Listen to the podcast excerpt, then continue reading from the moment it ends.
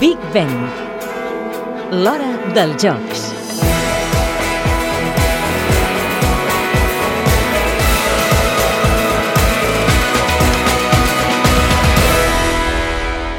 Els Jocs de Londres convertiran Hyde Park en un dels escenaris de la competició olímpica.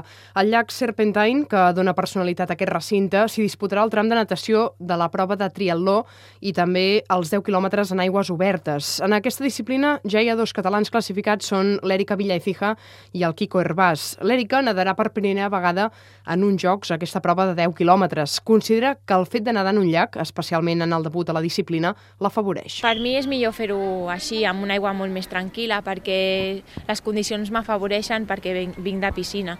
I jo crec que té un atractiu especial. Hyde Park per Londres és un parc dels més visitats. Jo crec que el dia de la prova pues, que hi hagi molta gent per allà sempre anima que surti millor. Kiko Herbàs té més experiència en les aigües obertes perquè ja va ser als Jocs Olímpics de Pequín.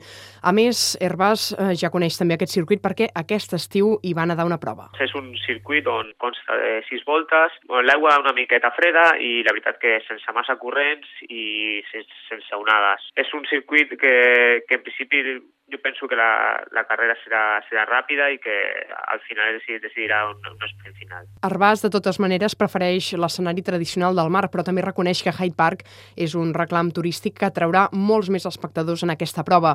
Els 10 quilòmetres en aigües obertes es disputaran els dies 9 i 10 d'agost a Hyde Park, aquest pulmó verd de Londres. El recinte té 145 hectàrees i el llac 11.